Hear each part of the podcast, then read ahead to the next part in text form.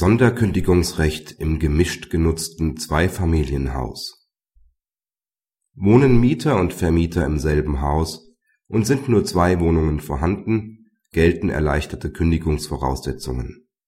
Dabei kommt es nur auf die tatsächlichen Verhältnisse an. Im neuen BGH-Fall wohnen die Parteien in einem verschachtelten Haus, in dem sich neben den zwei getrennt zugänglichen Wohnungen noch eine Gewerbeeinheit befindet Letztere wird trotz entsprechender Möglichkeit nicht mehr als Wohnung genutzt.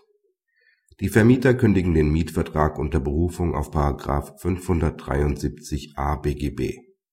Der BGH stellt fest, dass sie hierzu berechtigt sind.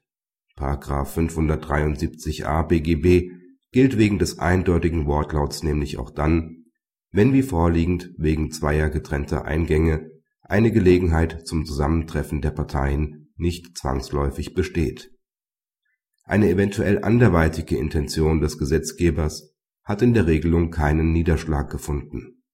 Ebenso ist für die Anwendung der Vorschrift allein von Bedeutung, dass sich im Haus zwei Wohnungen befinden.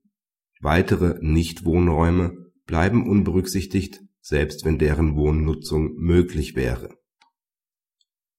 Praxishinweis die Entscheidung des BGH fällt wortlautorientiert aus. Hinsichtlich der Anzahl der Einheiten muss insoweit deutlich herausgestellt werden, dass nach zutreffender Auffassung des Senats die gewerbliche Nutzung bereits zu Beginn des gekündigten Wohnraummietverhältnisses vorgelegen haben muss. Sonst stünde es im Belieben des Vermieters, durch eine Umwidmung den bis dahin durch die Anzahl der Wohnungen vermittelten Schutz des Mieters auszuhöhlen